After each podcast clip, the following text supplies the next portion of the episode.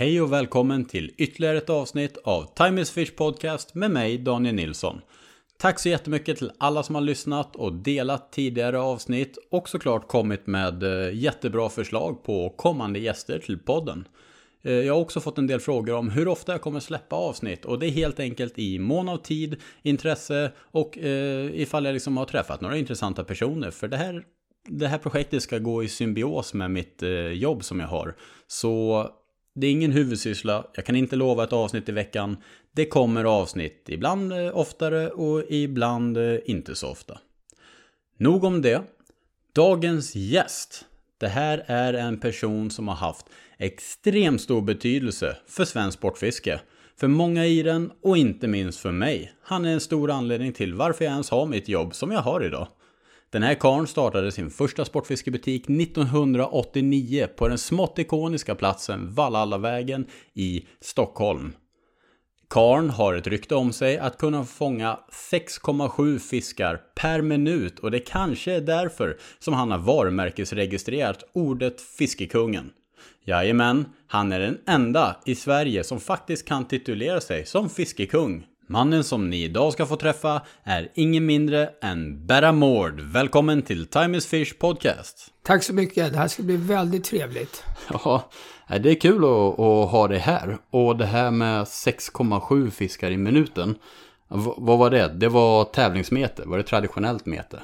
Ja, det var ju, eh, man, inte traditionellt för man fick ju mäska. Men jag har ju vunnit tre SM i, i modernt mete. Okej. Just det här SMet var ju i Köpingshamn. Eh, vi fiskade tre timmar och jag fick 1200 fiskar. För det här är ett rykte som, som hängde kvar rätt länge kring dig, eller hur? Just det här med hur många fiskar du kunde fånga i minuten. Ja, många tycker ju att det är typ omöjligt. Ja. Men det är det inte. Fy fan. Men då är det, är bara i, upp, kroka av. Alltså snärtar du bara av fisken, eller hur? Alltså 6,7 minuten, det är ju sjukt alltså. Mm, nej, men man drar ju upp dem. Det var ju löja vi fiskade. Och man drar upp dem i vattnet, eh, krokar av dem, kastar ut igen, lägger dem i keepnetet, ut med lite ströbröd och så upp med nästa. Och så bara höll det på så i tre timmar. Ja, Det är helt sjukt. Men du har ju kört någonting annat också när du verkligen, eh, när du mäskade mycket och körde upp några, några liter maggot, eller hur? ja just det. Jag berättade här om, jag var i Segå i, nere i Malmö och drog 78 kilo fisk på tre timmar. eh, och det var rätt häftigt va, för att då gjorde jag med 8 liter maggot och det är 8000 maggot på en liter. Så jag gjorde av med 64 000 maggot på tre timmar. Skithäftigt. Ja, det är fan, eh, det är mycket maggot. Ja. Men traditionellt mete och tävlingsmete, var det så du började din karriär? Ja, det kan man säga. Jag började ju då i FK Kaskad eh, och vi vann ju jättemycket metertävlingar. Vilken, eh, när var det här? Ja, när var det här? Det var runt 1975 Okej, ungefär. För jag kom med i landslaget i meter första gången 1976. Okej, ja. Eh, Och då var vi i Spanien, i Zaragoza och tävlade. Jaha. Så att, och det var ju ett, ett hemskt minne. För att vi kom sist. Okej, det var första gången också. Ja, Hur första, gammal var du då? det var 16 år. Ja, häftigt. Ja, och eh, vi, vi, eh, ingen i svenska laget eh, fick en enda fisk Okej, på VM. det är jättedåligt. Ja, det var det faktiskt. Fan vilken rysare. Vi tränade och fick jättemycket fisk när vi tränade där i, i där vi tävlade VM. Ja. Men då visade det sig att man skulle ha, ha blood wounds. Okej, Och det visste inte vi. Eh, Så vi körde ju mask och maggot. Och det gick jättebra på träningen. ja. Men sen på tävlingen då så var ju fisken livrädda. Så de nappade bara på blood wounds. ja, det var så alltså. Ja, och det hade vi inga. Är det så också med metet att typ när det blir väldigt många som fiskar så blir det verkligen locket på? Ja, Alltså de, de ändrar beteende, de märks att det är mycket kaos. ja. Ja. Svårt, svårt. Du måste ha, linan ska vara 008, krokstorlek 22 och så en blood wounds på kroken. Ja, det, det liknar ju faktiskt fisket i Malmö kanal jag var på förra helgen. Du vet, det är 215 pers på en liten del av kanalen. Som bara står och tog kamera efter abborre. Det var ju bara verkligen locket på. Så det är, ja, kanske lite samma sak. Ja, det är svårt. Mm. Jag provade våra blood teas. Det är ju en stor bloodworm. Jag fick faktiskt lite fisk på det, men det var inte det som var nyckeln helt och hållet. Ja. Det bästa bete man kan ha när man metar och pimplar, det är blood wounds. Tvååriga fjädermygglarver. Ja, Finns det ingenting som kan slå det. Odlade du själv också när du var liten? Nej, inte... Jag odlade maggots, men det luktar rätt illa. Vil, vilken protein är bäst att odla dem i? Ja, jag hade ju brax. Ja. Så att, men det luktar inte gott. Nej, vilket att, skitjobb alltså. Ja. Då är man glad man spinnfiskar. Ja. ja Bloodwormsen köpte vi ju. Eh, och jag tror att de plockar dem i norra Sverige eller importerar dem ifrån andra länder. Okej. Okay. Vad, nu har du hållit på i väldigt många år Berra. Vad, eh, hur säga, hur började hela din karriär? Du började med tävlingsmetet. Ja. Och, och sen, liksom, nu var 16 och, och nere i, i Spanien. Vad hände sen? Vad, hur kom du in i själva branschen? Ja, jag, jag var ju med i väldigt mycket fisketidningar. Mm.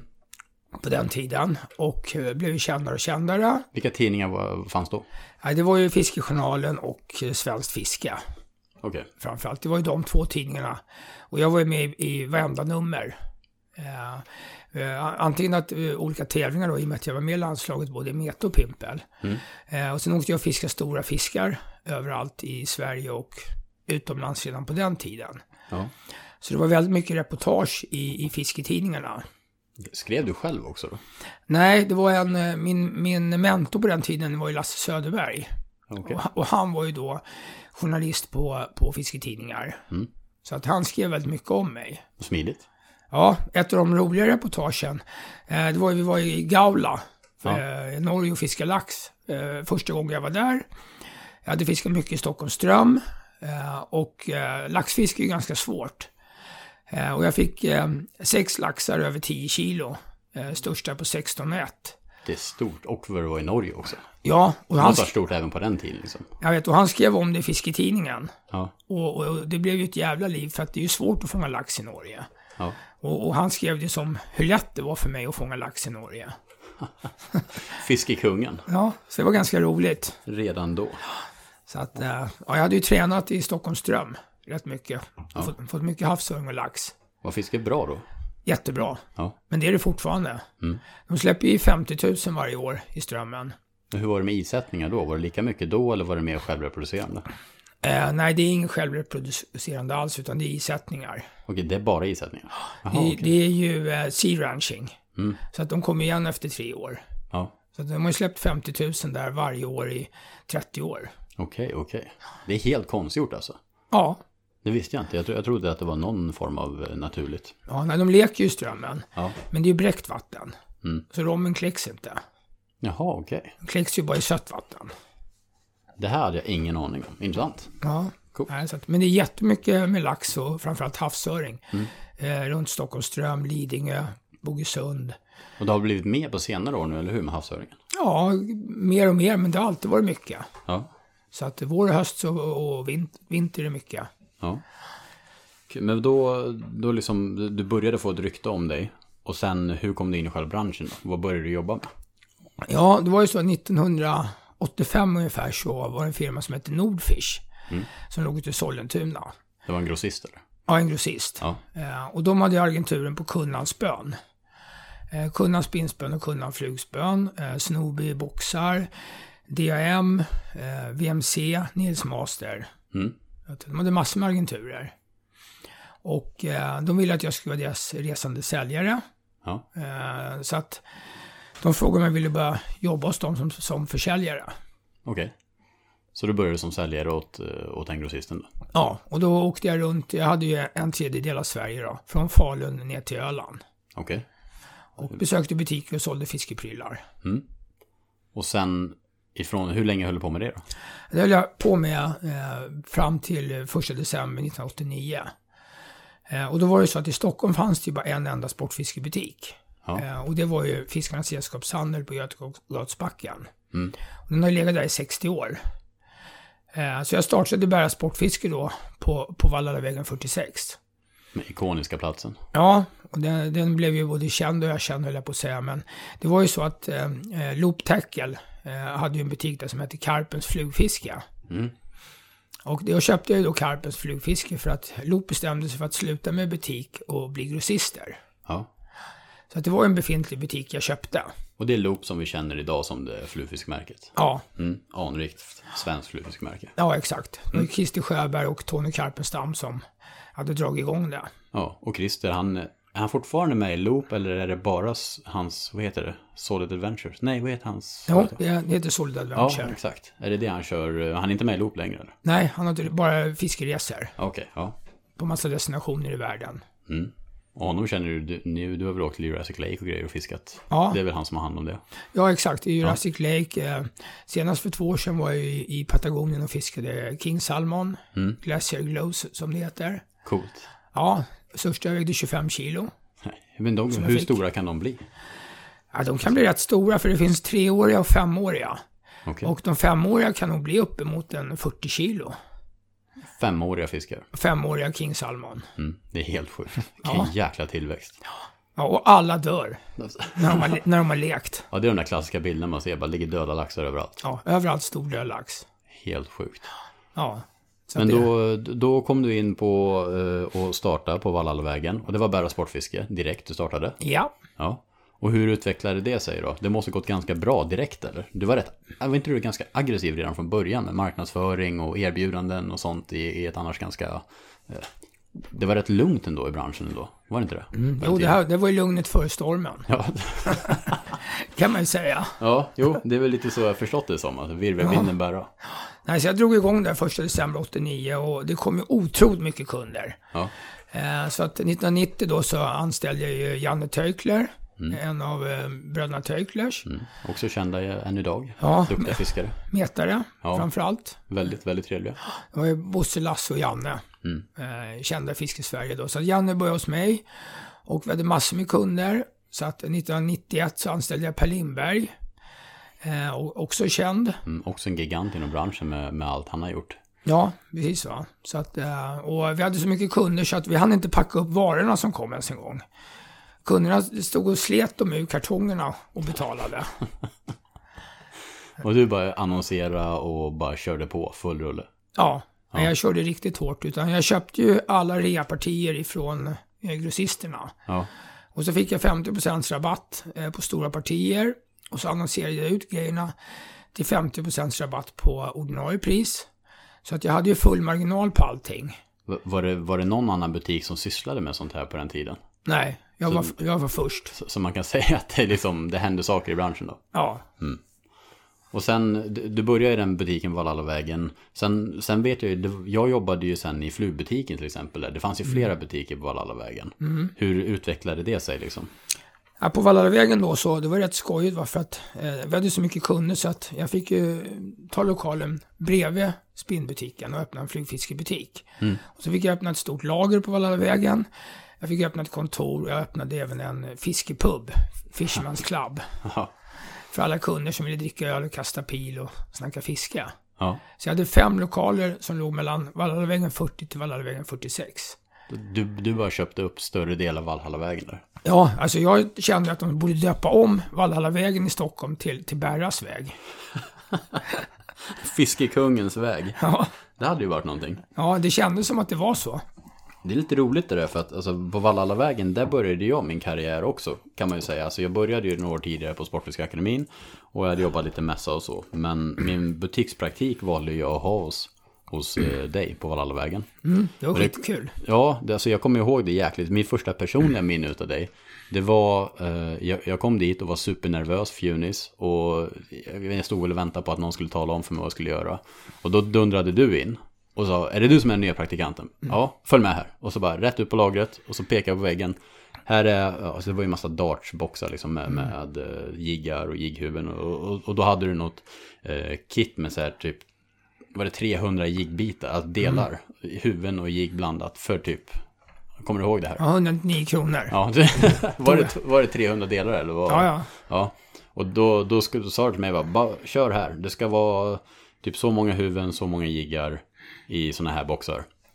Och jag, jag bara satt där och började hysteriskt plocka och jag var så inne i mitt och ville göra bra jobb. Jag bara satt och plockade och plockade och plockade. Till slut så bara slocknade lampan i lagret. Så jag bara, hallå? Och så bara, vad fan? är du kvar här? Och då liksom alla hade glömt bort mig. Jag satt ju bara där och plockade paket liksom, eller plockade uh, jigboxar. Så att, så att mitt liv berodde på det. Ja. Så det är min första, uh, mitt första möte med bära mål. Ja, jag körde alltid hårt med, med praktikanterna. och det är jag glad för. Det är kul. Ja, det är ett roligt minne och, och jag plockade många lådor jigg. Ja. Och sen fick jag faktiskt jobb hos dig också. Jo, men du, du gjorde ett bra jobb och då mm. blir man anställd hos mig. Ja, men det är ju inte bara jag. Alltså, det är ju ja. Det är väldigt många i branschen som har jobbat åt dig och börjat sina karriärer mm. hos dig. Och det är ju bara något jag lite skämtsamt brukar säga att är man i branschen så har man jobbat åt Bära Mård. Och har man inte gjort det, då har du inte gjort det än. Men någon gång jobbar man åt Bära Mård. Ja, lite så är det. Ja, men du har ju faktiskt många. Alltså, trumman börjar väl hos dig också? Ja. Per Lindberg som sagt, ja, eh, Henke Sandahl på Söder. David Lundqvist, ja. Jesper Eriksson. Eh, det är ett jättestort gäng. Mm. Och sen även också såklart en, del grossister som skodde sig väldigt mycket på dig mm. eh, under din storhetstid med butikerna. Ja. Så, som, så att en stor, eh, det, det är ju kanske många som inte vet det, många unga i dagsläget, men du har haft en väldigt stor betydelsefull del av branschen. Ja. Och format den väldigt mycket. Ja. Jag har ju, jag är ju Fiskejournalens största kund. Jag har ju annonserat extremt mycket, alltså flera hundra helsidor i Fiskejournalen. Ja. Eh, med bara sportfiske. Plus att jag har ju varit med på flera hundra sidor med olika reportage mm. från den tiden. Så att, och sen var det ganska kul när jag öppnade då, min andra butik jag öppnade, det var ju Bära Söder. Det som sen blev Söder Sportfiske? Precis, längst ner på Hornsgatan. Mm. Uh, så där öppnade jag min andra butik. Uh, och där jobbade ju då ja, Trumman, Henke Sandahl, Niklas Thulin, Peter Fredriksson och mm. många kändisar nu för tiden började sin karriär där. Ja. Så att, det är också en ikonisk butik såklart. Ja, den, och sen då som sagt var, då senare, då sålde jag ju den till personalen. Och då tog de ju bara bort eh, Berras och så blev det Södersportfiske. Ja.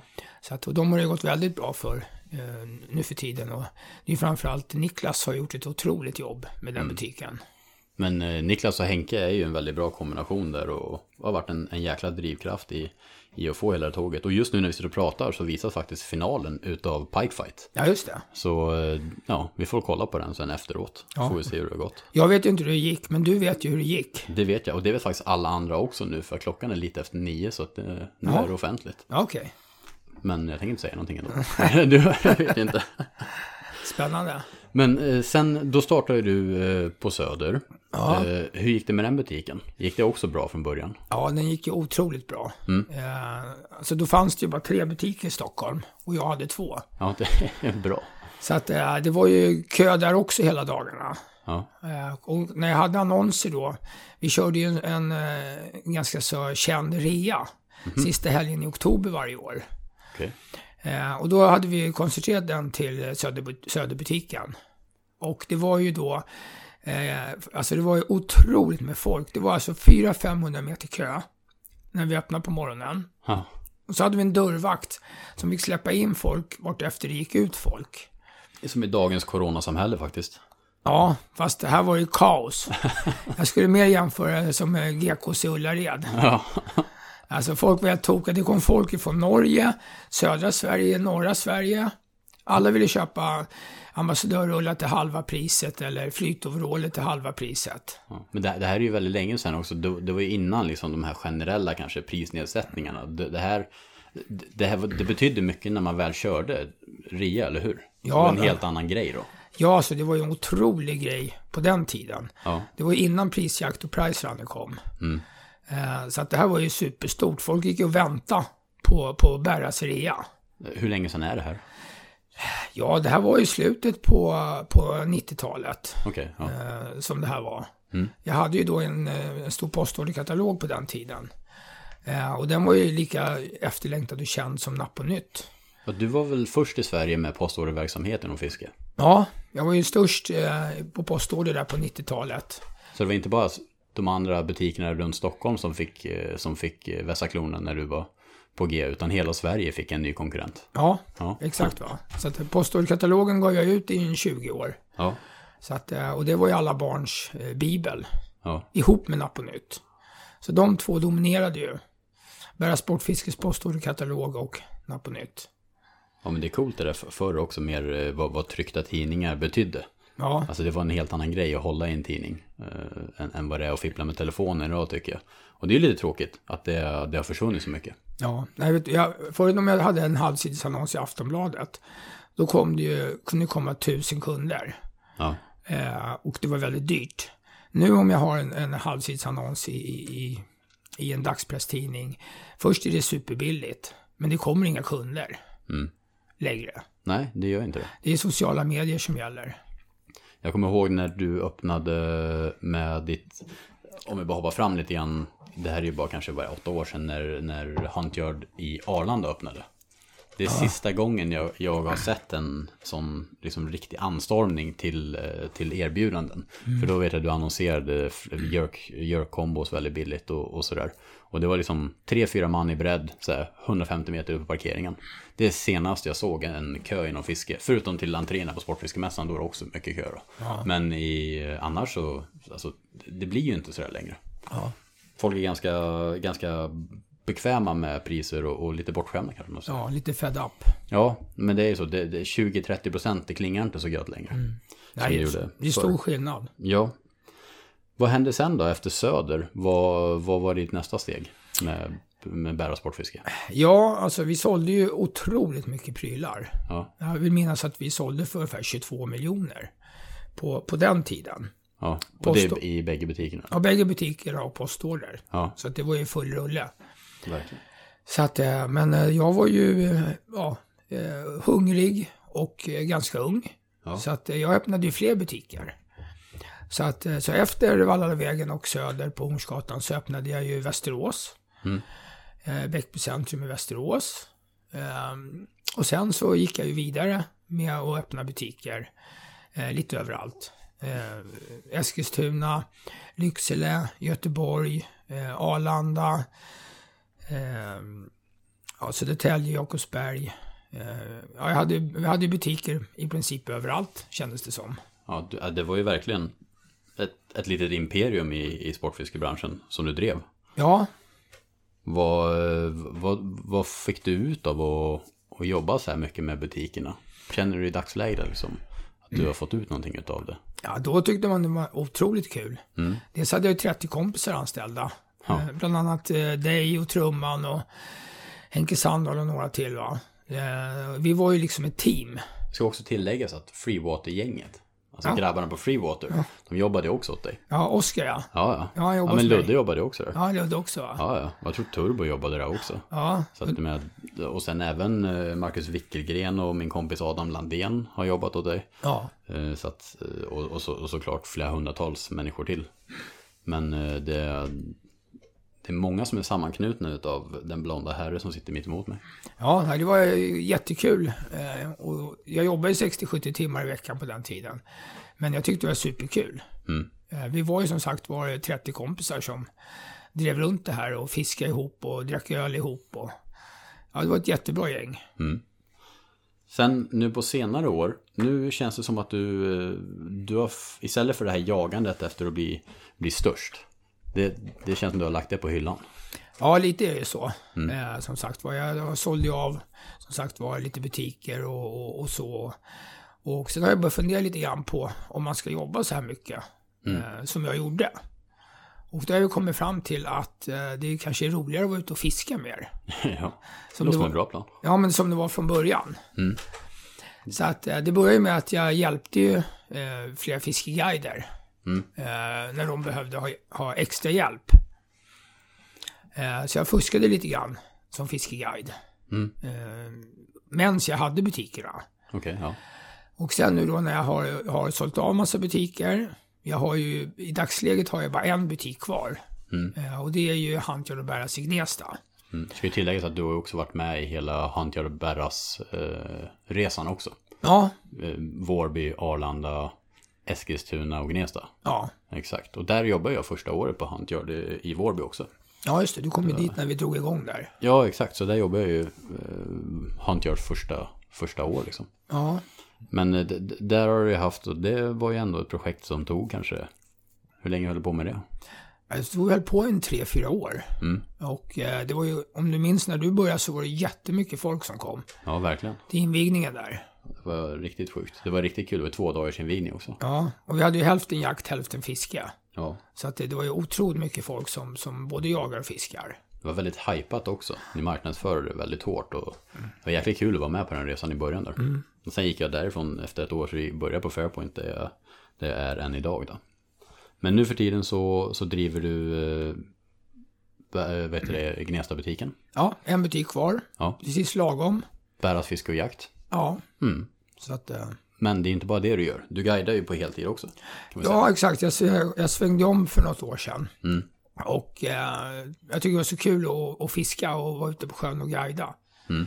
Så att eh, jag har ju svängt över nu till fiskeguide och det har ju visat sig att väldigt många vill ut och fiska med mig. Ja. De brukar ju säga det, alla vill ut och fiska med mannen, myten, legenden. Vem pratar de om då? då? Då pratar de om mig. Men det är kul. Ni är ju några guider som gör ett jäkla bra jobb just nu. Ja. Alltså som, som verkligen är, är drivna och, och får mycket bokningar. Ja, nej, jag är ute sex sju dagar i veckan Mm. för tillfället. Eh, och fiskar. Det är ju gädda, gös, abborre, havsöring, eh, lax, allt möjligt. Va? Nu ska vi ner här och köra 14 dagar i, i Vättern efter röding. Och, Då, då kommer ju vi och sammanstråla någon dag. Det gjorde vi förra året också. ja, så att, Jäkla kul att trolla röding faktiskt. Jag är ju van vid vertikalfiska röding annars. Men eh, trollingen är faktiskt väldigt trevlig. Men eh, vad heter det, det här med guidningen, jag fattar inte hur du... Alltså det, på, det är ju väldigt, väldigt tidskrävande. ja, en guide, guidedag tar ju ungefär 12 timmar. Mm. Det är förberedelser, det är resan eh, dit, oftast en timme med bil. Och så har man ju båten på släp. Den ska sjösättas och sen ska man ut och fiska åtta timmar. Laga mat till kunderna då. Ja, ofta kör vi murkapanna och hamburgare. Vilka hamburgare är det? Barras Famous Burgers. Exakt. Och de ska vi äta imorgon, eller hur? Ja, med den, hemliga, kry- med den hemliga kryddan. Jaha, exakt. Du har till och med tryckt upp egna burkar. Vad, är det, vad står det på den? Ja, det står eh, Barras, eh, eh, Barras hemliga krydda till hans Famous Burgers. På burken. Ja, de här har jag sett mycket om på Instagram och så, så det ska bli kul att prova dem imorgon. Ja, När vi fiskar gös. ja, exakt. Imorgon ska, går vi ju in för att sätta svensk rekord i gös. Alltså onekligen, den sjön vi ska fiska i är ju väldigt speciell. Och svensk rekord är helt säker på att den simmar där. Det är ju... Det har ju varit så nosat på rekordet där. Alltså Ja. det är ju inte långt ifrån. Rätt gös där är ju verkligen rekordstorlek. Ja, 12.08 är största vi har fått i sjön. Mm. Det är ju helt sjukt. Så att det är väldigt nära. Hur många över tio är det nu? Eh, 17 över 10 i den här sjön. På lite drygt ett och ett halvt år. Ja, Och då är det också mycket trolling. ja blandat trolling och, och prickskytte då. Ja. Ni kör mycket kast med Garmin Livescope. Ja, och sen, sen har vi ju fått många på 7, 7 8, 9 kilo också. Alltså det är så mycket storgös i, i sjön så att det är helt larvigt. Så är, är ni ute efter att fiska gös och behöver boka någon så är det ju eh, Berra eller Peter Törnqvist i den här sjön då, som gäller. Ja, exakt. Du, det är ett år sedan vi fiskade här sist, du och jag. Nej, vi fiskade i våras. Nej, våras ja. Men ett år sedan vi fiskade första gången. Ja, just Körde en gång på hösten, en gång i våras. Ja, Ja, och då fick vi, var det 7 över 8 kilo va? det var helt sjukt. Och Fick du fick- tre du fick- över nio. Ja, och du fick ju ditt rekord va? Mm. Ti- Tio och nio eller någonting var Ja, det. 10,8. 10,8. Ja, det var helt sjukt. Ja, Helt sjuka fiskar. Och den var inte ens så lång. Alltså den var ju typ 94 eller något sånt där. Ja. Helt sjuka fiskar. ja, det var ju ditt nya PB. Ja, och den står sig verkligen än idag. Jag fiskar inte så mycket gös längre. Jag tycker att det, det är kul, men jag har ju hållit på med det här ekolosfisket i så många år. Alltså tidigare med prickskytte och sånt. Så jag är lite mätt på det, även om prickkastningen är jäkligt kul. Men det är lite samma samma som man har gjort i många år. Eh, Men eh, i, när läget är rätt och man har chans på riktigt stor fisk, då kan man ju inte annat än att tagga till. Och det har vi imorgon. Ja, det är häftigt. Jag kommer heller aldrig glömma den där dagen för att av alla sportfiskare jag känner så, så du Danne gör ju det hårdaste mothugget av alla. Du tar ett steg bakåt och så sular du i allt vad du kan. Och vi fick ju den här gösen på 10,8 kilo. Ja, Men du hade ju två mycket större på. ja som jag slet av linan för. Ja, så din eh, fletlina 032 gick av två gånger. Eh, Ja, på jättefiskar. Ja, det är helt sjukt är det. Det glömmer jag aldrig. Det är ångestladdat när man ser hur stor fisken är på lodet. Och såklart, man kan inte veta exakt. Men med tanke på att vi fick fler över nio den dagen och de här fiskarna, det var inga mindre än så i alla fall. Nej. Det var as alltså. Sjukt häftigt. Ja, det var riktigt stora fiskar. Vad heter det? Du har ju... Det känns ju som att du har taggat ner väldigt mycket överlag. Alltså, och liksom kommit ner på jorden och, och liksom landat i, i vad du tycker är roligt. Vad, vad, är, vad är fiske för dig? Liksom, vad är det roligaste du kan tänka dig inom fiske just nu? Det där är en svår fråga, men eftersom jag vägrar golf och jakt. eh, jag har inte tid med det. Mm. Eh, så att i fiske då, så då håller jag på med, med allt fiske. Mm. Eh, och även utomlands. Eh, så att det jag tycker är kul är ju variationen. Att ena dagen kör jag gädda, nästa dag kör jag abborre, nästa dag kör jag havsöring, fjärde dagen så fiskar jag gös. Mm. Och det tycker jag är kul. Då, då tröttnar man aldrig. Nej, det känns så lite grann. Att Det, det, det är lite min räddning också det där, variera sig. Jag blir trött på flera arter flera gånger om året. Jag blir trött på gädda efter en veckas gäddfiske. Och så vill jag göra någonting annat. jo, men så känner jag också. Ja. Att det är kul att göra något annat då. Och sen har jag sista tiden, och jag brukar åka utomlands två till fyra gånger om året. Mm. Eh, och fiska, eh, helst i sydligare breddgrader. För där finns det inga, inga knott. Men apropå knott och sånt, du har ju varit en, en del uppe i Ryssland och fiskat på Kolahalvön. Ja, Eller hur? och jag har varit där sju gånger. Ja, exakt. Där, där, är det någonstans det finns många saker som, som bits, då är det ju där. Alltså, det finns ju hur mycket mygg som helst där uppe. Ja, alltså det, är- det är otroligt mycket med, med det. Och en av mina roligare upplevelser, det var ju en gång vi skulle eh, åka till en laxälv och fiska där uppe. Eh, helikoptern kunde inte landa, så den stannade en meter över marken. Eh, alla hoppar ur helikoptern med eh, fiskeprylar, eh, mat och grejer då.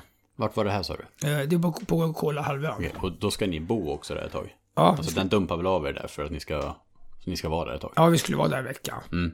Men alla ligger på marken när helikoptern är en meter över marken. Ja, Och då kan man tänka hur mycket det blåser och hur mycket det dundrar. ja, Och sen åker helikoptern iväg och då blir det knäpptyst. Alltså, man blir chockad över hur tyst det blir. ja. Och vi står där i, i ja, typ t-shirtar från Murmansk och, och börjar plocka upp alla fiskegrejer. ja. Och så går det ungefär fem minuter. Och så kommer det en miljard myggor och knott. Och anfaller. Det låter nästan som helikoptern kommer tillbaka. Alltså det var helt sjukt. Ja, Jag har aldrig varit med om något liknande. Vi tänkte inte ens en gång på mygg och knott. För att helikoptern hade ju blåst bort alla. ja. Och där stod vi liksom och, ja, de anföll oss.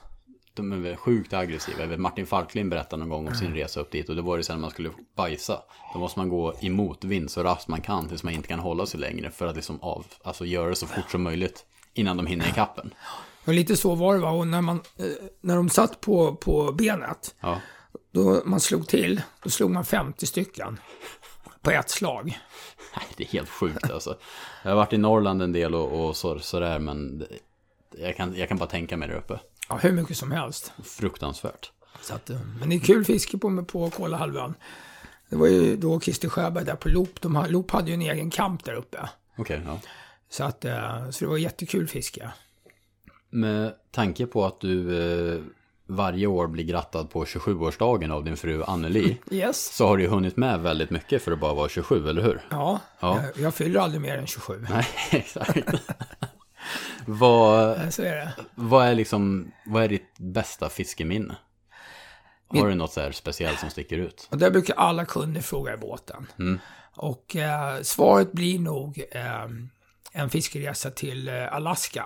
Mhm. Kodiakhalvön. Och då är det lax som står på schemat. Då var det ju ja, framförallt lax, King Salmon. Ja, Eh, och då, det var en dansk firma då som de släppte av oss fem mil upp i en älv. Eh, med eh, gummibåtar, tält, mat, eh, gevär, fiskegrejer. ja, Eh, och så försvann eh, det sjöflygplan som gällde i Alaska. Och sen så paddlade vi en mil, slog upp kampen, fiskade några dagar, rev kampen, paddlade några mil, paddlade en mil, slog upp kampen igen och fiskade några dagar. Mm. Och eh, det var ju riktig vildmark. Eh, biltelefonen funkade inte. Och eh, eh, vi träffade 200-300 Kodiak Grizzly. ja. Så världens största björn kom hur många som helst. Fy satan. Alltså det var lite spännande jag förstår. med de här björnarna. Var det första gången du var där och fiskade? Ja, det var första gången va. Så att, och jag fick eh, 81 laxar över 10 kilo på fluga Fy satan. eh, på den eh, veckan vi var där. Häftigt. Ja, det var skithäftigt. Och så fick man lite regnbågar och eh, lite annat också då. Ja. Så att, eh, nej men det var häftigt. Och så hade vi huligantuta och pepparspray Ja. i, i bältet. Så att när björnarna kom och gick, eh, alltså det var väldigt mycket björn. Och då tutade man med tutan. ja. Och Så hjälper det? Sticker de då? Ja, då vände de och gick åt andra hållet. Ja. Så att, eh, Behövde du någon gång liksom komma så nära så att du kunde använda pepparsprayen? nej, men de hade ju sagt det att om man kom nära, Mm. då får man inte skrika och springa. Ja, det är en klassiker, men vem kan hålla sig liksom? Exakt, och så var det så att jag gick runt en, en, eh, ett berg på en hörna. Ja. Och då möter jag en björn på två meter. När jag går runt den här hörnan. Ja, och alla de andra då eh, i gänget som står ute och fiskar i älven. Mm. De får ju se mig komma eh, springande eh, och skrikande. Allt vad jag kan. Vad var det man inte skulle göra liksom? Exakt. Ja. Det var inte direkt att jag tog upp pepparsprayen. Nej, det, det var bara det var ett enkelt val. Ja, Tvärvända och springa. Och, skri- skrika. Och skrika. och det, det där har jag nog fått hört ett par hundra gånger. Ja. Den historien. ja, det låter som ett, ett mäktigt minne. Ja, den resan var jävligt häftig. Hur är det om man ser det som inom Sverige då? Vad har du för, eh, har du någon extrem gädda eller så här? eh, Du har ju fått många gäddor över 10 kilo, hur många har du? Ja, jag har fått en 75 gäddor över 10 kilo själv då. Ja, Eh, framförallt uppe i Furusund på den tiden som det begav sig. du fiskar mycket där uppe då? Ja, Furusund och i Trosa. Ja, som, det var i princip varje gång man var där så fick man en gädda över 10 kilo.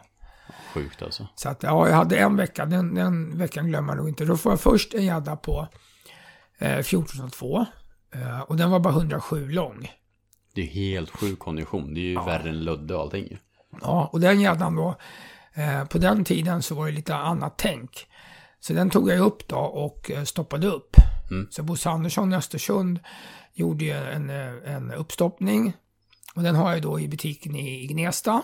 Ja, den hänger där nu. Sitter på väggen där va. Ja, coolt. Men sen tre dagar senare, då får jag en gädda på 14,8. Eh, och det var faktiskt Per Lindberg som var med och hjälpte mig att landa den. Ja, Men eh, jag kan ju inte stoppa upp en till. Så, att, så det var ju bara att fota, väga, pussa och så släppa tillbaks den. ja det var en catch and release då alltså. Ja, Ja. men det kändes lite snopet. Jag har den näst största uppstoppad på väggen. Ja, just det. Så att, men så kan det gå ibland. Ja, Så att, men på den tiden så fick vi gäddor över 10 kilo i princip varenda dag vi var ute.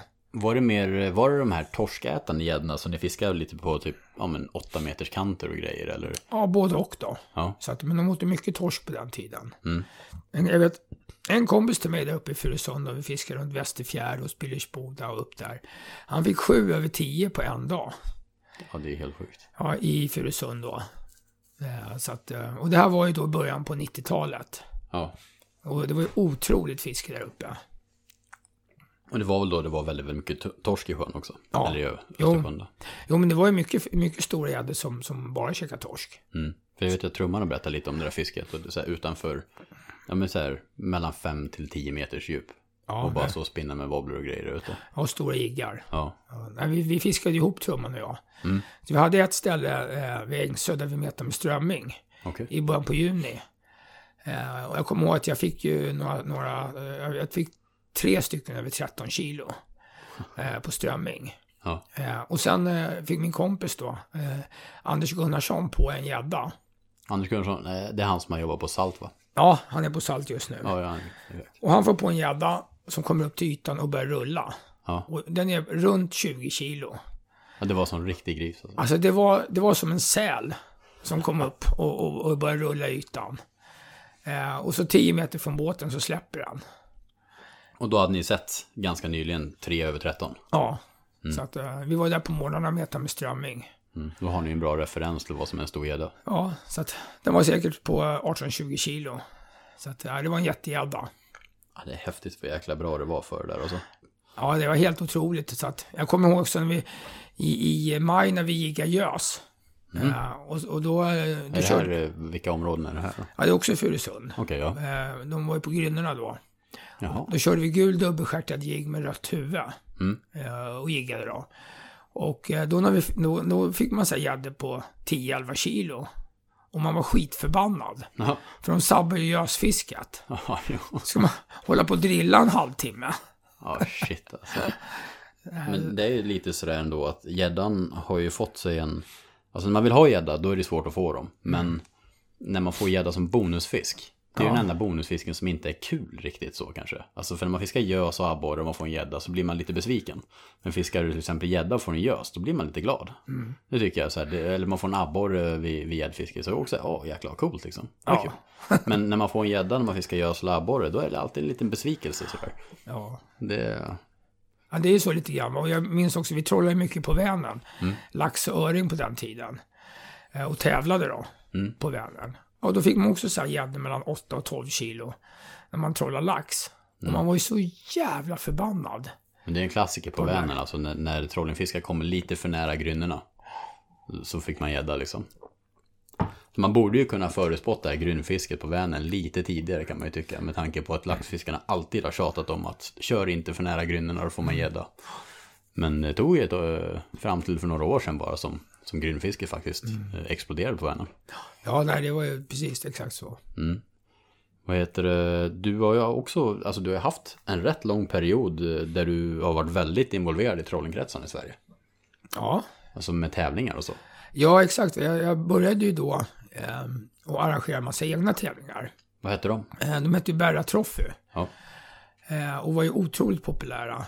Eh, vi var ju en hundra båtar som tävlade då. Men det var ju sjukt stort för trollingfisket. Ja, Alltså verkligen stort. ja det är konstigt att det inte är det längre faktiskt. Ja, men det är väl alltså. Det är ju inte alls samma fiske på Vättern. Nej. Till exempel Vättern. Men Vänern är fortfarande fantastiskt. Ja, och de här tävlingarna, jag hade dem ju då dels i Baggerud, dels i Otterbäcken och sista år, åren så arrangerade dem i Åmål. Mm. Eh, och det var ju som sagt var runt 100 båtar med, eh, varav hälften var ju från Stockholm. Men sen helt plötsligt, eh, och jag förstår inte varför, så slutade folk att tävla i trolling. Eh, så att sista året, då var det så här 20 båtar anmälda. Och då la jag ner tävlingen. Det är märkligt. Hur länge sedan är det här? Ja, vad kan det vara då? Det var kanske 2005. Okej, det är så länge sedan det var så. Ja, det är ett tag sedan. Men intresset för trollingen gick ner Mm. helt plötsligt. Eh, antagligen var det väl för dyrt, för mycket prylar, tog för mycket tid. Fruarna blev sura. Ja. Det var mycket som spelade in. Men sen, eh, för du, du, du hade ju, nej inte laxcup Vättern. Vilken tävling var det du körde från Granvik? Ja, det var också Berra Trophy. Det var Bärtoffe, för den Ja. var ju inte så länge sedan som du körde senast. Nej, men jag har ju haft några eh, så här åter, Mm. eh, där jag har kört den igen. Ja. med 20-30 båtar. Så att, och det är rätt kul då med man har en buckla och ja, man lägger lite pengar och vinnaren tar allt. Vi hade ju typ en av de första, alltså min far har ju också minnen utav dig.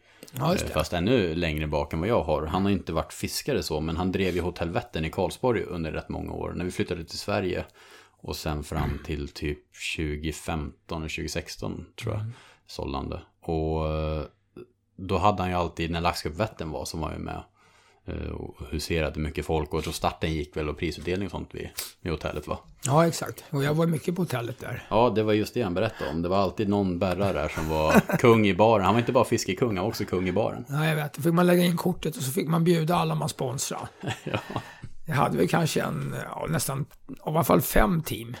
Ja. Som jag sponsrade med, med kläder och prylar och, och de hette ju då Berra Sportfiske Team 1, Berra Sportfiske Team 2 och så vidare. Ja. Och det var ju busarna, Team Bus och... Ja, det var ju väldigt kul faktiskt. Ja. Det var ju samma sak då på de här trollingtävlingarna. Då var vi ett gäng kompisar. Som tävlade, drack öl, umgicks. Mm. Eh, Och superkul hade vi. Det var ju också, alltså det var ju mycket folk som trollade då. Och det är ju faktiskt, eh, många av dem som fortfarande är väldigt aktiva inom trolling, det är, my- det är ju sköningar liksom. Ja. Det finns många roliga karaktärer inom trollingfisket. Ja, jag kan, skulle kunna berätta historier i flera timmar om vad som har hänt på de här trollingtävlingarna. Men en sak som var ganska kul då när vi var iväg och, och, och tävlade då i Hällekis, Mellerud, Åmål eller vad vi var. va? Ja. Då var det så här, alla tjejer i städerna, de gick ju man ur huset och skulle ut och festa den kvällarna. För då kom det ju en massa stockholmare ner dit och skulle vad heter det, fiska och festa och de hade pengar. Va? Ja. Och sen ville de ju gärna vad heter det, att man skulle bli kär i dem de kunde flytta därifrån. De, de var ute efter nya gener. Exakt. Ja, trollinggenerna. De hade tröttnat på, på de som var där. Så att det var otroligt med tjejer som var, var med på de här trollingfesterna på kvällarna. Jag kan tänka mig att det blev halabaloo när, när det kommer ett helt gäng med, med öldrickande karar. Ja, exakt. Jag har många historier att berätta om det där. Och det kan jag tänka mig. Det tar vi någon annan gång. Inte poddvänliga historier. Exakt. Men eh, hur ser det ut med guidningar och sånt då? Eh, alltså, där måste det ändå hända lite, lite roliga saker.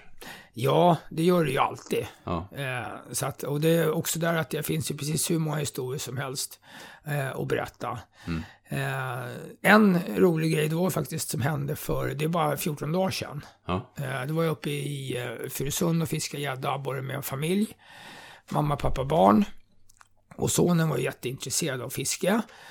Eh, och han får sitt livsfisk då, en gädda på 3,5 kilo. Och är överlycklig. Och det är ju en fantastisk fisk. Ja, jag visade honom hur man, gäddgreppet, eh, att man ska ha fingrarna innanför tänderna och tummen på ellocket och sådär va. Och, och helst inga fingrar eh, som referenspunkter på korten va. Och så kan det ju hända att jag, jag ber dem att fronta fisken. Ja, Jag, jag kanske säger raka armar. till mina, Kanske, till mina kanske. kunder va. ja. Men så i alla fall, då ska mamman ska ju fota sin son. Som är eh, hur lycklig som helst. Och hon står framme för en mamman. Och så får hon inte riktigt plats med, med fisken i kameran. Så hon tar ett steg bakåt. När hon står längst fram i fören. Varpå hon faller rakt över relingen. Och det här är ju nyligen, det är ju kallt. Ja, 14 dagar sedan. Ah, shit. Så hon faller över relingen rakt baklänges. Och jag ser det här framför mig. Och det är otroligt att i fallet, när hon är på väg ner mot vattnet, då slänger hon biltelefonen i båten. Och sen försvinner hon ner under vattenytan. Ja. Då kommer hon upp då, och hon har ju då eh, Westins flytoverall på sig som, som alla mina kunder har. Så hon simmar till badstegen och så får hon klättra upp på badstegen. Mm. Så att eh, det var en ganska rolig grej som inträffade. Åh, skapa kaos alltså. När hon ramlade i. Ja men vad kul ändå då. Ja. Roligt, eh, roligt minne för grabben också. Ja, ja, så att, nej, men så här grejer inträffar hela tiden. Jag brukar hämta ryssar på Grand Hotel. De dricker aldrig mindre än en liter vodka per man. Eh, de somnar i båten, de spyr i båten, de ramlar i. Och så tappar de i eh, utrustningen. Och så frågar vad kostar den? Och då säger jag 300 euro. Ja, då får jag 300 euro direkt. De har fickorna fulla med pengar. Ja, vad roligt alltså. Ja, så att, ja, det, det finns så mycket roliga historier att, berätta om det här. Och speciellt när jag slussar. När jag hämtar folk på Grand Hotel och så ska jag fiska på Mälaren. Ja. Eh, och många av de här turisterna, de älskar ju att slussa. Och det är väl en upplevelse i sig liksom. Ja, de har aldrig gjort det. Va? Nej. När de är från Indien eller eh, Kina eller något. Så att det är liksom dagens behållning. Okej. Och, och få åka i en sluss. Och sen fiska lite gädda då. Simpelt sätt att ge någon upplevelse. Ja. Bara slussa. Ja, ja, det var ju det. Så att, och de är överlyckliga, för de har ju aldrig sett en sluss. Jag kan säga, jag kände lite den känslan när vi var i Finland och fiskade gös för några år sedan. Då skulle vi åka mellan, för jättemånga sjöar sitter ihop där. Och då skulle vi åka mellan två sjöar. Och vi är ju bara kolla på sjökorten och sånt där, men det går en kanal. Ja. Men sen kom vi fram till en sluss. Och det var så här, då fick man köra in, så jag hade en Starwell då liksom. Så bara fick man veva på en, en stor vinsch kan man säga. Öppna en lucka, köra in båten, stänga luckan. eh, Öppna en annan lucka som släppte in vatten i hela dockan. Båten höjdes och så fick jag veva upp eh, i översta luckan. Så det var en helt manuell vinsch som vem som helst fick manövrera. Jaha. Eller vinsch, eh, alltså eh, sluss. Häftigt. Ja, du ser, också dagens upplevelse. Ja. För gösfiske var inget bra den dagen, men det var jäkligt coolt att slussa. Kul grej. Så jag känner igen mig i det där faktiskt. Ja. Det ja fränt. Det, det finns en historia om någon som, eh, som skulle i land och, och gå på toaletten i en flytoverall bara. Hur lyder den? Ja, det, gick ju, det var en ganska rolig historia för att det var en tjej och hon gick upp i skogen. Ja. Eh, och, och kommer tillbaks och då visar det sig att hon har bajsat i luvan på overallen. Eh, Så att den är ganska rolig den historien. Alltså det är ju så med fiske, alltså det blir ju...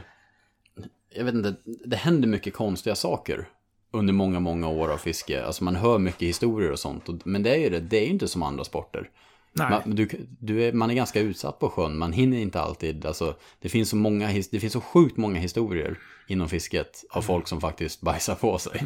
Och det är så onormalt mycket, men det är ju för att, för att man befinner sig kanske långt ut på en sjö, mycket kläder på sig, eh, flera dagar av dålig kost och dålig sömn och så vidare. Det är ett bra recept för undergång liksom, när det kommer till sånt. Ja, de hinner inte gå på toaletten. Nej, för jag, jag har hört genom mina år i branschen så otroligt många historier om folk som har liksom gjort i byxan. Ja. Och det är bara, det måste vara ganska unikt tror jag, utav alla sporter i världen. Och, speci- jag tror inte paddelspelare har det. och, och så få av sig overallen i tid. Ja, exakt. Det är inte heller det lättaste. Det, det, det händer mycket alltså. Ja, så att, nej men det är mycket så här, de tappar i utrustningar och, och de tappar i biltelefoner. Eh, vilket jag själv faktiskt gjorde i våras för första gången. Ja, just det. Jag var ute och fiskade med, på Vänern med Joakim Häggman, golfproffset. Och eh, han får en gädda på 11 och 9. Och när den kommer närmare båten så ska jag fota med telefonen och lite exalterad för att det är så stor gädda. Och, och flopp så åker telefonen i vattnet. Nej, det är inget kul alltså. Inte i dagsläget men du kanske har sådana här eh, moln där allting laddas upp och så kan komma åt grejerna ändå eller? Ja, jag var lite knäckt just då. Ja. Så att, men när jag kom hem och slog på min gamla telefon, då fanns alla bokningar och 17 000 bilder kvar. Ja. Eh, och det otroliga var att bilden på gäddan, Ja. som jag tog några sekunder innan telefonen försvann i vattnet, ja. den fanns på min gamla telefon. Den hann alltså ladda upp till Ja, molnet liksom. Precis. Jäklar vilken tur alltså. Ja, det var helt otroligt. Det är rätt otroligt med teknik alltså, vad, vad nice det är. Är lite annorlunda än, än när du började fiska. När det Ja. kommer till dokumentera fångster och sånt där. Ja, verkligen. Hur, nu har du varit, det är jättekul att höra på alla historier och sånt. Eh, Det kan vi köra, eh, kanske en stående poddinslag. Bära kommer att berätta historier. Ja, lite då och då. Ja, vad, eh, du har varit så många år i branschen nu. eh, Och, och, och träffat så mycket folk och allt och sett en utveckling. Vad tror du för liksom, utvecklingen av fisket? Det finns ju mycket positivitet kring det och sånt. Hur tänker du framöver? Vad tror du om utvecklingen av fisket? Vad, vad är nästa stora grej? Vad kommer hända bland, eh, bland butiker och grossister och sånt? Vad, vad tror du för framtiden? Ja, framtiden för butiker ser ju inte så ljus ut. Nej, Eh, utan eh, eh, postordern håller på att ta över. ja, Eh, prisjakt, price runner gör ju att folk handlar ju där det är billigast. Eh, fri frakt, fri returfrakt. Eh, det är inget svårt att sälja mycket grejer på nätet. Eh, det svåra är att tjäna pengar på nätet. Mm. Eh, alltså den som är billigast säljer mest och tjänar minst. mm, Så är det va. Så att eh, tyvärr så håller ju de här eh, stora drakarna, eh, de håller på att checka upp hela Sverige. Där butik efter butik försvinner. mm. Och det är lite tråkig utveckling. Eh, Det var lite det här som eh, Ridde från Giganten var inne på det här i förra veckans avsnitt. Ja, Eh, Och han vädjade ju om att man ska, man ska handla i lokala butiker. För det, det är ju liksom viktigt i framtiden om vi ska behålla en kultur med butiker i Sverige. Och det här är någonting, jag vet inte om jag nämnde det i podden med Tobbe, men generellt sett, det kan ju säkert du vittna om också, typ i Finland och Norge, där har ju marknader, eller vet du varuhus tagit över. ja, Typ om du tänker i stora, du vet, ja men Motornet och vad de heter i Finland så ja. Det är det är väldigt stora varuhus med allt möjligt som, som har expanderat väldigt mycket. Och i Sverige, det är rätt många som har försökt. Men det har inte riktigt funkat. Alltså det är ju renodlade fiskebutiker som går bra. Och det är också de som blir störst. Det har inte riktigt funkat med den här varuhuset. Det känns som att svenska konsumenter är lite annorlunda. Och kräver lite mer specialitet i alla fall. Det tror jag kommer göra att i längden så kommer svenska marknaden i alla fall att vara mer specialiserad. Och kunna bibehålla en viss del av butiker jämfört med andra länder. Det är möjligt, men det är inte helt säkert. Inte helt säkert, absolut. Nej, för att jag har ju en butik kvar. Och eh, det är klart man har stamkunder som, som eh, handlar lokalt och är lojala. Men det är ju så här då att jag har ju varit med nu då i, i 32 år i detaljhandeln. Och förr kunde vi sälja då ett flugspö och en flugrulle för 10 000. Och folk kommer in och tittar på de här grejerna. Eh, och, och så säger de att jag kommer igen när jag får lön. Och så går de hem och beställer det på nätet för 8 000 eh, på någon, någon då som dumpar, eller som har låga priser. Eh, och det här gör ju då att till exempel i den butiken jag har kvar, där säljer vi inga dyra grejer längre. Ni har väl fortfarande bra försäljning men det märks tydligt att Ja, inget dyrt. Alltså vi säljer mycket tillbehör och beten. Mm. Spön och rullar, men inga ekolod, inga kartplotter, inga flytoveraller, inga dyra flugspön eller flugrullar. Mm. Så att alla dyra grejer, där köper folk på nätet. Ja. Eh, och tyvärr är det så då att om 20-30% av kunderna i en lokal butik handlar på nätet, mm. så blir det svårt för en lokal butik att överleva. Mm. Det är sant. Eh, så att vi får se vad framtiden eh, har att ge. Men det som sagt var, det svåra är ju att alltså hyror och löner är ganska dyrt och marknadsföring. Mm. Och det är inte lätt att få det att gå plus. Mm. Så, att, så vi får se lite grann vad som händer i framtiden. Men jag är faktiskt lite negativ till detaljhandeln. Mm. Jag har varit med så länge och, och sett uppgångar och fall. Mm.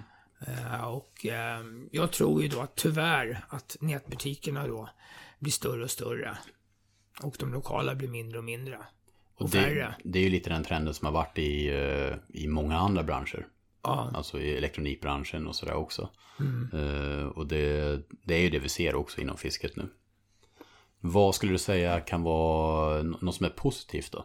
För nu har du sagt en negativ sak och jag har ja. en regel i min podd. Säger man en negativ sak då måste man säga två bra saker. Okay. Så nu måste du säga två saker som du ser hoppfullt på. Som du tycker är bra med utvecklingen av mm.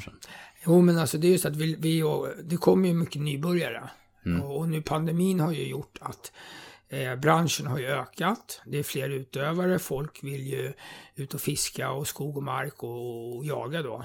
Så vi har ju lärt många eh, utav våra kunder hur man tacklar jiggar, eh, vilka beten man ska ha, eh, liner, tafsar, eh, nyheter, mm. rasselkulor. Många nya nyfikna fiskare. Ja, mm. många nya, både unga och äldre. Ja.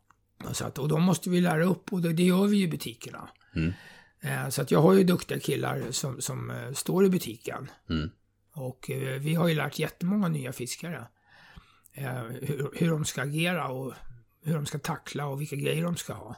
Det är det som är, det pratade lite om med Riddare också, butiken är viktiga i det, i det ledet att faktiskt utbilda folk i grunden. Många, många gånger så har man inte riktigt koll på hur man ska gå tillväga i början och då kommer YouTube-produktioner som kanske sätter igång folks intresse visar ju inte riktigt den absoluta första. Och, och, nätet kanske inte alltid visar de här absoluta grunderna. De här sakerna man, man enkelt kan ställa över disk i en butik. Simpla saker mm. som ändå inte är självklart när man är nybörjare. Mm. Så det är också det. Butiker behövs ju av den anledningen. Men det är ju bra, för det tillkommit mycket folk som fiskar sista åren. Ja, framförallt mycket barn. Ja. Eh, och jag har ju märkt det nu när jag guidar, att det är mycket papper med barn. Okay. Speciellt på loven. Man åker inte utomlands längre, utan man fiskar i Sverige. Ja. Eh, så att, och jag har varit ute med jättemycket 10-12-åringar eh, och fiskat. Ja. Och de blir otroligt glada när de får en fisk. Speciellt när mamma ramlar i. Ja, exakt. Nu är det inte alla mammor som ramlar i, men som sagt var, det var ju en ganska rolig grej. Vad heter det? Och annars då? Något mer? För det är en positiv grej. Ja. Vad tycker du mer är positivt? Eh, som är mer positivt inom fisket. Eh, nej, men det är väl det här att, att folk är så glada och positiva mm. eh, över att komma ut. Ja. Och få fisk och lära sig hur man rensar fisken och att man kan äta eh, lite god fisk. Mm. Framförallt gös, abborre, eh, lax, röding. Och sådär. Och sen man, att de släpper, catch and release är ju viktigt. Mm. Att de släpper tillbaks fisken och det är ju bra, det är ju såklart eh, viktigt med catch and release, men man måste också, också komma ihåg att det är fantastiskt gott att äta fisk. Ja, exakt. Och det försöker jag lära kunderna att, att eh, får vi hundra fiskar så får de ta upp en eller två och ta mm. med sig hem och äta. Många gånger när vi är ute och får 30, 40, kanske 50 stora gösar så får de ta upp två stycken. Ja. Och så släpper vi 48 stora gösar. Mm. Och eh, ja, de får acceptera det. Och, det, de flesta gör ju det om man Alltså för ibland får man ju frågan bara, hur kan du släppa tillbaka alla? Ja. Liksom, det är instinktivt det första. Eh, men när man då liksom förklarar att, alltså, vad är vitsen med att fylla frysen bara för att? Liksom, det, det är viktigt att fiskarna går tillbaka. Ja. Och så när, när man börjar tänka efter så förstår de flesta att det kanske inte är logiskt att slå ihjäl allt man fångar. Nej, man får ju förklara, att, nej, man får ju förklara att de små och de riktigt stora ska ju släppas tillbaks. Apropå det, just nu sitter jag faktiskt, för jag köpte på vägen hit en flaska vin. Ja. Jag sitter och dricker ett glas här. Och det, det är lite kul för det tycker jag ändå tillhör eh, din, eh, din portfölj av meriter. Ja, kul. Du har ju ett, ett vin på Systembolaget som är standardsortiment i dagsläget. Ja, Som heter Catch and Release. exakt. Catch and release. Jag har ju designat eh, flaskan. Det är tre fiskar på flaskan. Lax, gädda, abborre. Och eh, namnet är Catch and release. Och det är en av Sveriges tio mest sålda viner.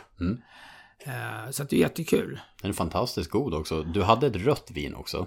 Ja, Den tyckte jag faktiskt inte om så mycket. eh, jag hade rött vin och whisky. Ja. Men det här vita samtidigt. vinet som nu är standard, eh, standardsortiment, den finns på alla systembolag. Ja, två, alla bolag, 290 stycken. Ja, det, det är riktigt kul faktiskt. Och det som jag såg, eh, inte den här gången men det var för någon gång sedan. Eh, det, står ju på flaskan nu att, den, att eh, det skänks en krona till Sportfiskarna för varje flaska också. Ja, miljövård. Ja, exakt. Nej men det är ju skitkul att kunna ge, alltså att om man ändå köper en flaska vin som man gillar och så går det ändå pengar tillbaka. Ja, Och så får du också en slant. ja exakt. Va? Men den kostar bara från Frankrike då 79 kronor. Ja. Och den är faktiskt otroligt populär. Mm. Nej, men det, det är faktiskt ett väldigt gott vitt vin, så den passar till, till, eh, till mycket. Så om ni ändå ska köpa vin, och sen tycker jag också det är väldigt kul när jag ger bort en flaska, eh, då brukar jag köpa den för att de flesta känner mig som en fiskare och då är det kul att det är fiskar och catch and release på flaskan. Och min, och min autograf. Och din, det står faktiskt signerat av Berra Mård längst ner till höger på flaskan. Så det är lite ett eh, tips. Det är inte liksom reklam jag sitter och gör här nu, men det är ändå tycker jag en kul grej med Berra Mård. Eh, imorgon ska vi fiska gös. Ska käka Be- eh, Berras famous burgers, Ja, som jag blivit lovad. Är det någonting som du skulle vilja tillägga? Eller någonting som du skulle vilja få fram eller lyfta? Eller nå- någonting du känner att shit, det där skulle jag vilja bara få ut också? Innan vi eh, avslutar podden.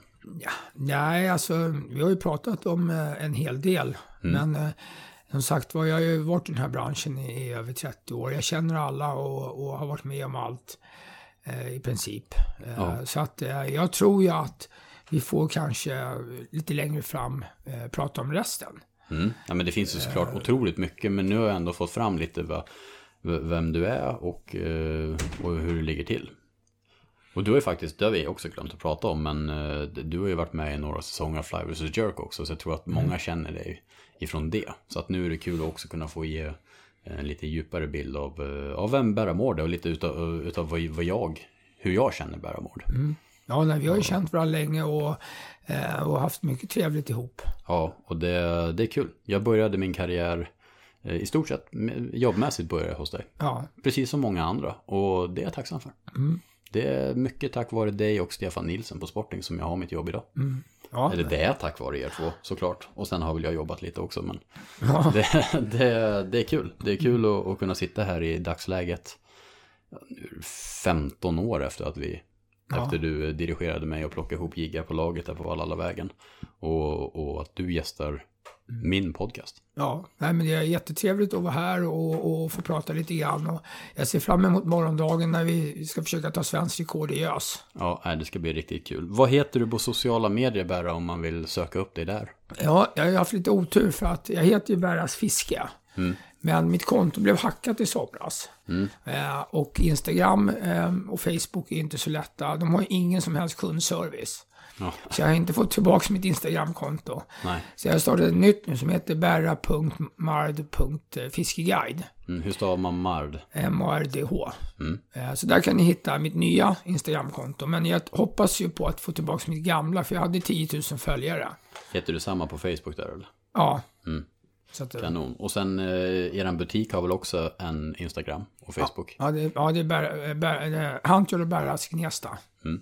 Kanon. Då vet ni vart ni ska söka upp den blonda fiskekungen. Fint. Eh, tack så jättemycket för att ni lyssnade. Jag hoppas ni har gillat det här avsnittet med eh, Berra Mård. Och tack verkligen för all respons som har varit på den här podcasten. Vi har legat eh, som Sveriges populäraste podd på Spotify, jag tror det var i fyra dagar. Eh, och det, det är sjukt häftigt. Och det betyder verkligen att fisket, eh, fisket är stort. Fisket är häftigt. Så eh, tack så mycket för att ni lyssnade. Ha det så bra och så ses vi nästa gång.